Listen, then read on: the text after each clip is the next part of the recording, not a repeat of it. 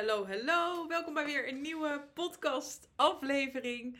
Een nieuwe aflevering van de Dieneke Mulder podcast. Deze podcast is voor jou als je niet tevreden terugkijkt op je eerste bevalling en er daardoor best wel tegenop ziet om binnenkort of ooit voor de tweede keer te gaan bevallen. En ik hoop heel erg met mijn afleveringen, met alles wat ik deel, mijn eigen inzichten, de interviews die ik met andere vrouwen doe, ja, je te helpen met het nemen van de mentale stappen waardoor jij en uh, ja, wel de touwtjes in handen hebt tijdens je tweede bevalling. Nou, nogmaals super leuk dat je weer luistert. Het is vandaag woensdag. Ik heb een hele leuke dag achter de rug. Het is inmiddels einde van de middag. Um, als je me een beetje hebt gevolgd op Instagram. Ik ben gisteravond ingecheckt uh, in een hotel. En uh, Patrick ging ook mee, want ik had het geboekt voor werk. Um, omdat we die hotelkamer uh, eigenlijk hebben gebruikt als een soort van opnamestudio vandaag. En nu denk je direct, oké, hoe dan? ik moest ook heel erg lachen gisteren, want het was een suite. Dus er zat zo'n heel groot rond bubbelbad in. Dus ik zei echt direct, en ik had ook allemaal attributen meegenomen om dus opnames te kunnen maken. Dus ik zei echt direct tegen Patrick, oh, mensen denken echt dat wij hier een soort van pornofilm gaan maken of zo. maar dat hebben we dus niet gedaan. En uh, Patrick was slechts mee voor de gezelligheid. Maar vandaag kwam er een, uh, ja, een andere ondernemende vrouw, een business buddy, uh, vriendin zelfs geworden inmiddels. die ik nu enige tijd ken, dus dit jaar heb ontmoet. En we hadden een heel leuk idee. Namelijk om dus video-opnames te maken waarin we elkaar interviewen. Uh, dus wat je uiteindelijk ziet, want ik ga ze gebruiken voor Instagram, dus voor Reels. Dus er zijn een aantal onderwerpen die natuurlijk met bevallen te maken hebben, waar zij mij vragen over heeft gesteld. En waarin ik dan antwoord geef. Dus als, ze, als ik ze online ga zetten, dus uh, via Instagram, dus in een, in een vorm van een reel, dan hoor je niet dat zij die vraag stelt, maar je hoort wel mijn antwoord. Dus het zijn eigenlijk hele kleine, korte video-snippets waarin ik ja, vertel. Het zijn een beetje allerlei verschillende onderwerpen, maar vooral heel erg mijn visie deel, mijn verhaal deel. Uh, tips deel. Dus die komen de komende weken online. Het was echt super leuk om te doen. Want uh, ja, we probeerden eigenlijk een zo professioneel mogelijke setting te creëren. Met minimale middelen. Wij zijn natuurlijk allebei geen videografen. Uh, dus we hebben het echt opgenomen met mijn iPhone. Um, en het was vooral heel erg leuk om te doen. En het is ook heel fijn. Zeg maar op podcast spreek ik altijd best wel makkelijk. Uh, want dat voelt gewoon veel meer alsof ik echt ja, tegen jou als luisteraar aan het praten ben. En ook met video erbij. Dat gaat me best wel makkelijk af als in.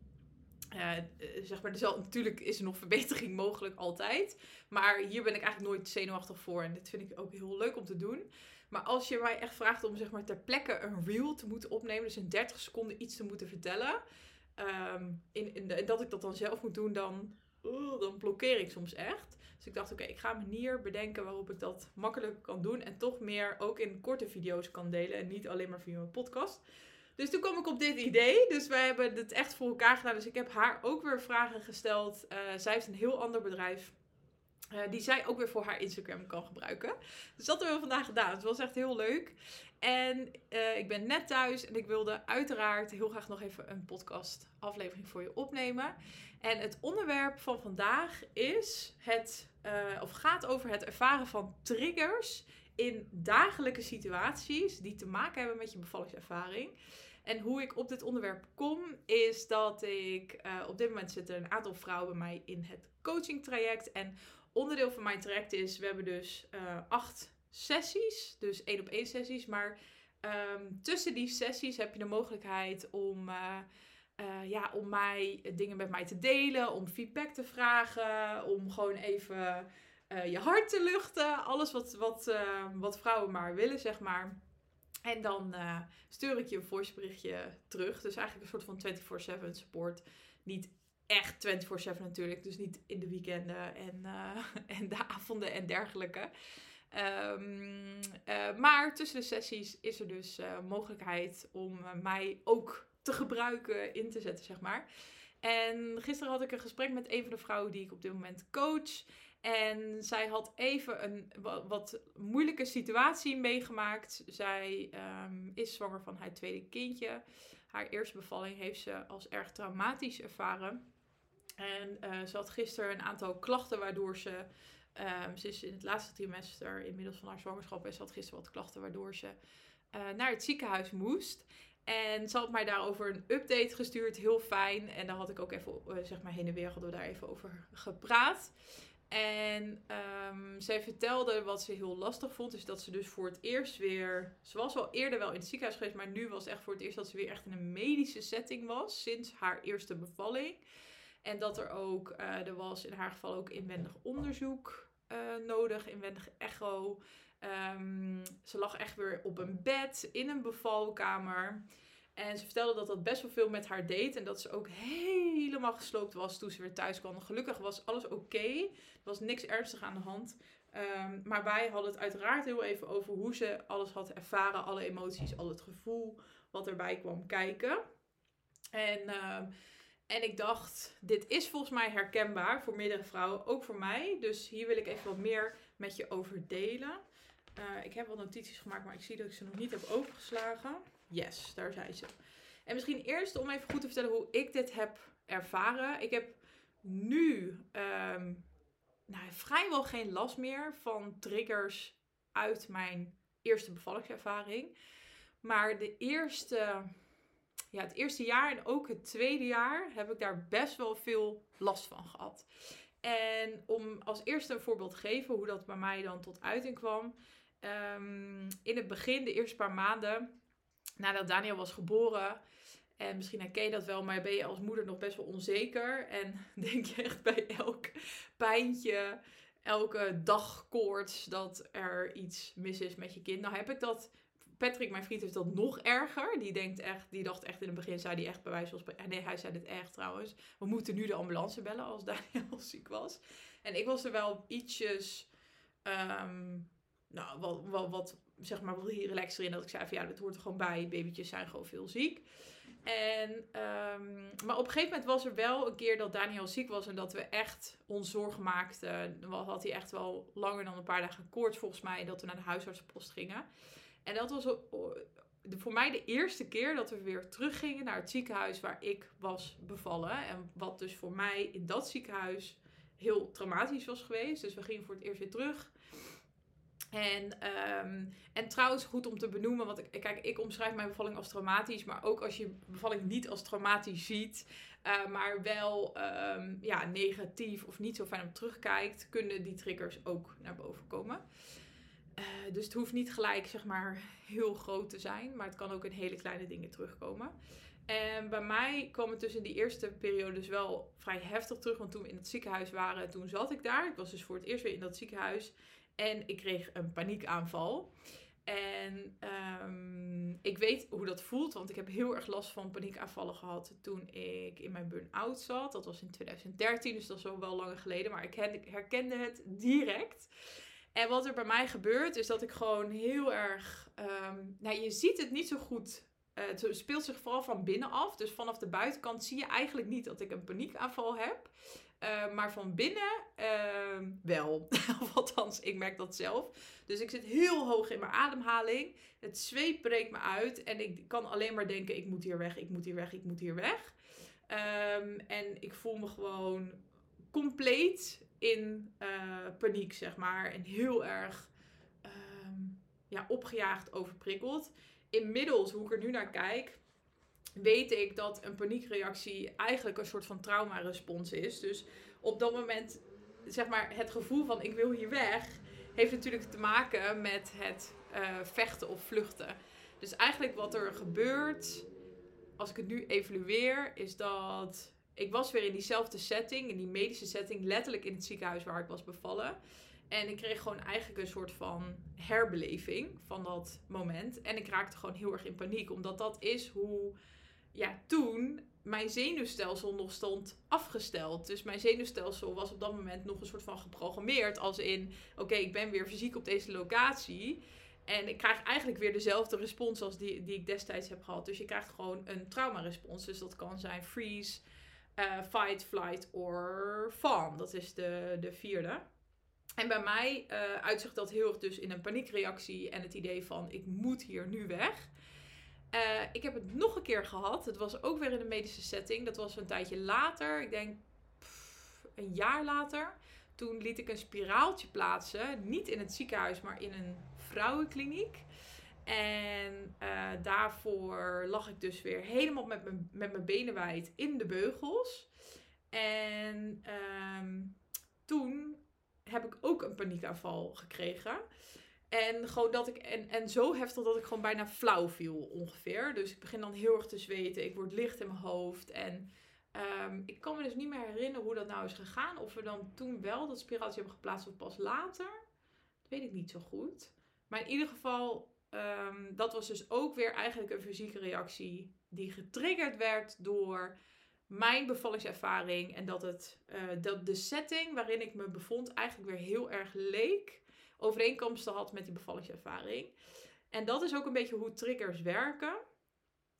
Um, triggers um, hebben eigenlijk een connectie met jouw bevallingservaring. En als er bepaalde elementen zijn die voor jou het meest impactvol zijn geweest, die terugkomen in welke vorm dan ook in een alledaagse situatie, uh, dan kan dat dus triggerend werken. En, en een trigger is dus letterlijk een trigger qua. Er wordt dus iets getriggerd in jouw brein, in je zenuwstelsel.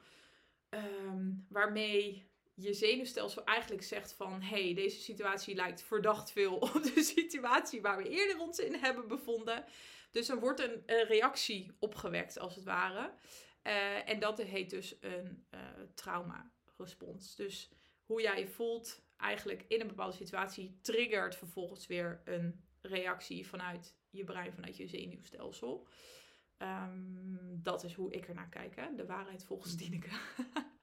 en hoe ik het zelf heb ervaren.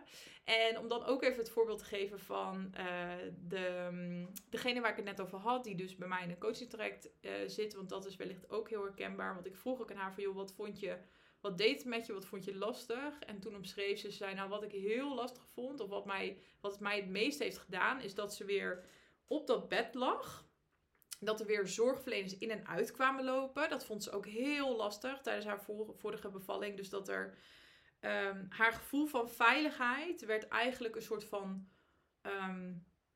On, ging naar beneden of werd onder mede door het feit dat de deur steeds open en dicht ging. En dat ze daar totaal geen controle over had. Dus dat iedereen maar gewoon kon binnenlopen. Terwijl zij in een super. Nou ja, uh, ze voelde zich niet goed. Daarnaast lig je uh, volledig naakt in een hele kwetsbare positie. Misschien herken je dat wel. En uh, het kan heel onveilig voelen dat er dus steeds überhaupt die deur steeds open gaat. Maar ook dat er dus mensen in en uitlopen die je helemaal niet kent. Waarvan je niet weet wat ze komen doen. Dus dat één vond ze heel lastig. In die situatie dus van deze week. Wat ze ook omschreef, wat ze heel lastig vond, is dat er dus weer medische handelingen werden uitgevoerd. Maar terwijl die werden uitgevoerd, gingen zorgverleners met elkaar praten over die medische handeling. En ze zei ook, dat vond ik zo ontzettend moeilijk. Want ik kwam weer helemaal terug in het moment dat ik me um, ja, een soort van um, ja, een nummertje voel. Alsof het niet over mij gaat. Alsof ik een omhulsel ben. En dat het vooral om de medische handeling gaat. En dat het voelt alsof ik eigenlijk daar helemaal niet, niet lig. Helemaal niet besta. Um, dus dat, uh, ja, dat kon ik ook helemaal begrijpen hoe ze dat omschreef. Dus eigenlijk het feit dat er iets met jou gebeurt, maar dat mensen uh, daarover niet met jou communiceren, maar met elkaar. Dus eigenlijk bijna doen, en dat waarschijnlijk gebeurt dat natuurlijk niet met opzet. Maar voor haar voelde het heel erg alsof zij er gewoon niet was. Alsof ze een soort van gebruiksvoorwerp, een nummertje was. En dat triggerde heel veel bij haar. Dus dat even, um, ja, wat betreft haar ervaringen en die voorbeelden. En dus dit zijn even de voorbeelden, zeg maar, hoe uh, bepaalde triggers omhoog kunnen komen. Dit zijn, uh, denk ik, vrij, um, ja, hoe zeg je dat? Ja, grote, duidelijke voorbeelden. Maar het kan ook heel subtiel zijn. Dus het hoeft niet per se te zo te zijn dat jij getriggerd wordt in een medische situatie. Dat jij triggers pas voelt um, op het moment dat je weer in het ziekenhuis bent. Uh, het kan ook zijn dat het een heel een heel andere situatie is, waarin dat gevoel, dus um, als je een beetje terugdenkt aan je bevalling en wat jouw, wat jouw, zeg maar, alles overheersende gevoel was. En bij de meeste vrouwen is dat ofwel dat ze zich niet gezien voelden, dat ze zich niet gehoord voelden, dat ze zich, dat ze de autonomie kwijt waren, dat ze de regie kwijt waren, dat ze zich niet meer autonoom voelden. Dus het alles overheersende gevoel, ehm, dat is eigenlijk waar voornamelijk die triggers op zitten. Dus dat kan ook zijn dat je op de verjaardag van ome Jan zit en dat je iets aan het vertellen bent. En dat je het gevoel hebt dat de ander niet naar je luistert. Dus dan kan dat gevoel ook weer naar boven komen. En uh, dus weet dat het ook in hele subtiele dingen kan zitten. Dingen van je, waar jij denkt van, hè, waarom ben ik om, over zoiets onbenulligs van slag? Het kan dus heel goed zijn dat dat met je bevallingservaring te maken heeft. Dus dat is best wel, um, kan best wel fijn zijn om dat eens voor jezelf te gaan analyseren. Om te kijken van, hé, hey, zijn er nou overeenkomsten en in welke situaties um, gebeurt dit nou? als je, pas als je daar bewust van bent, dan kan je er, dan kan je er ook daadwerkelijk iets mee. En wat kan je er dan mee? um, nou ja, wat ik zelf heb gedaan zijn heel veel verschillende dingen. En misschien wat ik ook wil, met je wil delen is dat er, er is niet um, een soort van one size fits all. Er is niet een magic solution. Um, het gaat er denk ik vooral om wat voor jou uh, werkt. En ik ga je een beetje vertellen wat, wat voor mij heeft gewerkt en waar ik ook uh, ja, heel positief over ben, zeg maar. En ten eerste, wat goed is om je te bedenken, is dat um, ook al heb je een therapie gevolgd bij een psycholoog, ook al heb je meerdere EMDR-sessies gedaan, um, het is niet zo dat dat niet werkt, maar het is belangrijk om je te realiseren dat zo'n trigger, zo'n traumarespons, ligt opgeslagen in letterlijk in je lichaam. Het zit ergens vast in je lichaam, in je zenuwstelsel. Dus um, dingen zoals EMDR en uh, praten met een psycholoog uh, kunnen zeker goed werken, vooral in het begin. Alleen soms is het niet voldoende, omdat het zich vooral afspeelt in je bewustzijn op rationeel niveau. EMDR is een hele mooie tool, alleen ook dat speelt zich ja, voornamelijk af in je brein. Er worden een soort van verbindingen gereset. Alleen um, triggers en traumaresponses um, spelen zich dus vooral af in je zenuwstelsel in je lichaam. Dus het kan heel goed werken om te kijken van oké, wat kan ik daar precies mee doen? En om even te beginnen met wat kan je in dit moment zelf doen? Um, ik bij mezelf, het komt bijna niet voor, maar ik weet dat, uh, dat ook ik het heel lastig vind om zo'n respons te voorkomen. Dat is echt heel moeilijk. Eigenlijk gaat die respons alleen maar weg als je echt het volledige stuk hebt geheeld. En dat kost gewoon tijd. Ook bij mij, zeg maar. Dat is er echt nog niet uit. Al denk ik dat ik al wel heel ver ben qua heling, om het zo maar te zeggen. Um, maar wat in het moment zelf mij heel erg helpt, is om uit mijn hoofd te komen. Dus uit die paniekstaat van zijn. En een soort van. En wat daarin bij mij heel erg helpt, is lichamelijk contact. Dus dat kan zo wel zijn dat je jezelf aanraakt. Dat klinkt misschien een beetje gek, maar wat ik heb geleerd is dat het heel goed kan werken om even over je benen te wrijven. Dus letterlijk even jezelf aanraken, raak je arm aan, raak je benen aan, om even in contact te komen met je lichaam. Dat helpt mij ook om op je ademhaling uiteraard te letten. Dus heel even te focussen op je ademhaling. Om die wat rustiger te krijgen en je ademhaling ook wat naar beneden te krijgen. En daarnaast kan een ander daarbij ook helpen. Dus de vrouw waar ik het net over had, uh, die heeft heel veel gehad aan het feit dat haar eerste lijnsverloskundige mee is geweest naar het ziekenhuis. Echt super bijzonder, want dit doen echt niet alle verloskundigen. En ook echt, ze zei, ik vond het zo fijn. Ze aaide over mijn arm, ze heeft mijn hand vastgehouden. Niet iedereen vindt het fijn, maar zij heeft dit als heel prettig ervaren. En dat kan ik me eerlijk gezegd ook voorstellen, want op zo'n moment, als je echt vastzit in die traumarespons, uh, paniek ervaart Um, dan kan het heel goed werken om even lichamelijk, de, letterlijk de connectie ook even met iemand anders aan te gaan. Dus dat kan zijn je partner of iemand anders ook die er dan bij is. Dus kijk ook wat daarin voor jou werkt.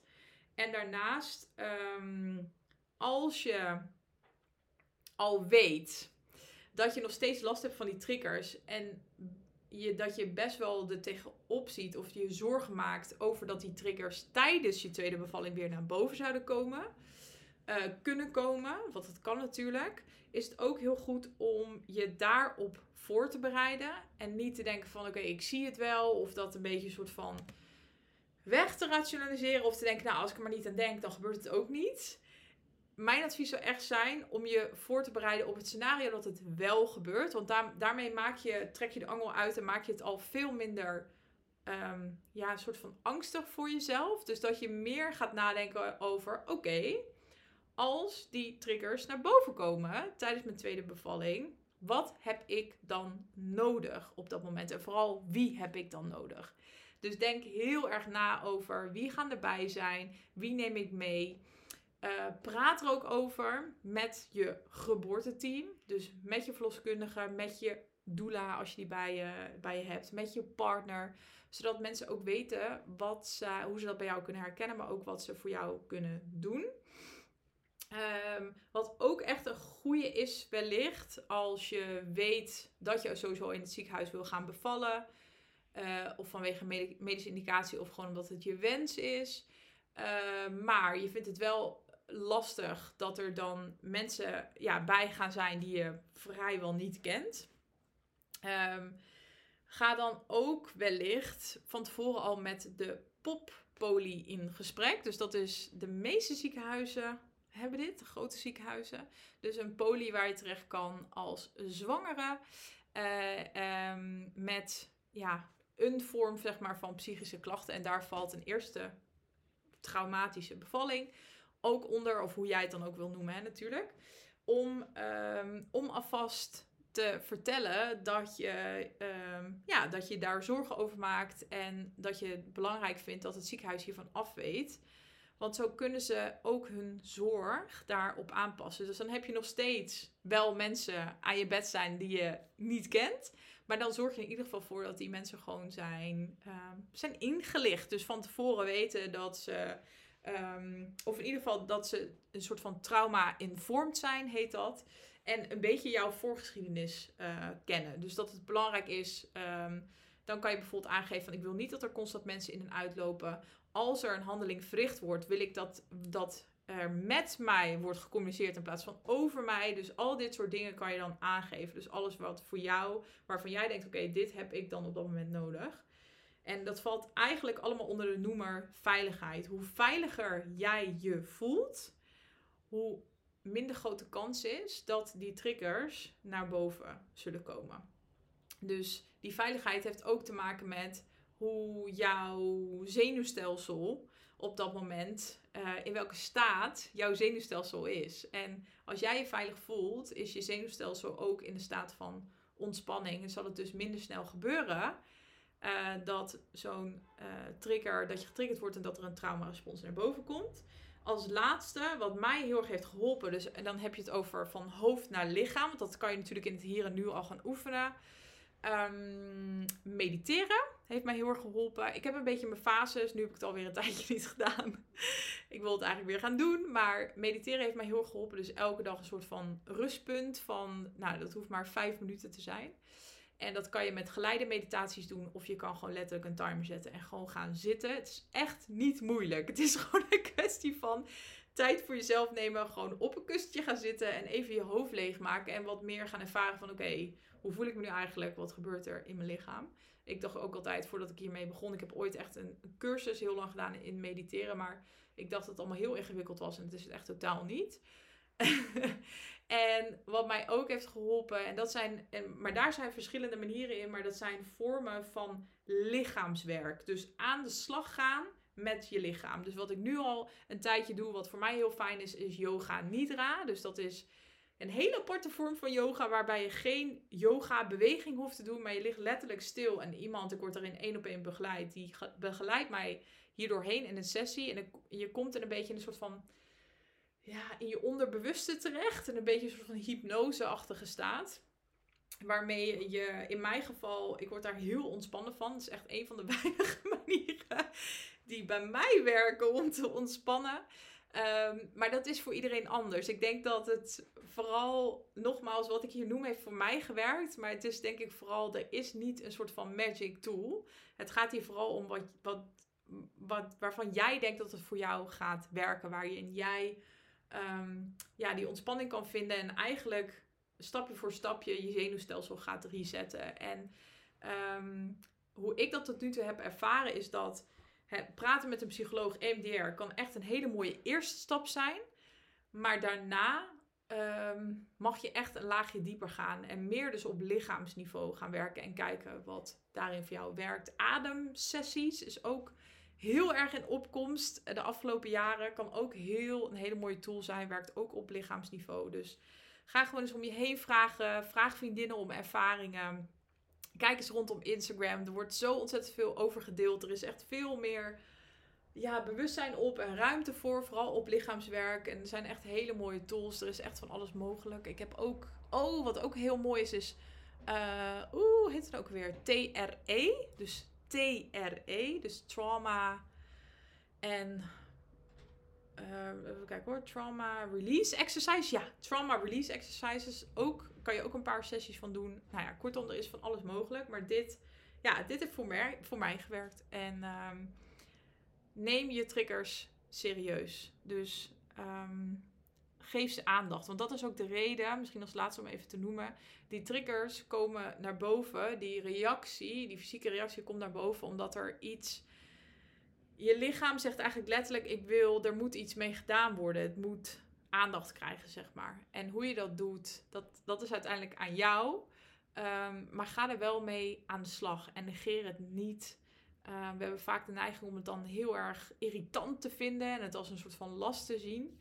Maar zie het vooral als een, als een signaal, een uitnodiging om ergens mee aan de slag te gaan. Dus ik hoop dat je hier iets aan hebt gehad. Laat het me weten.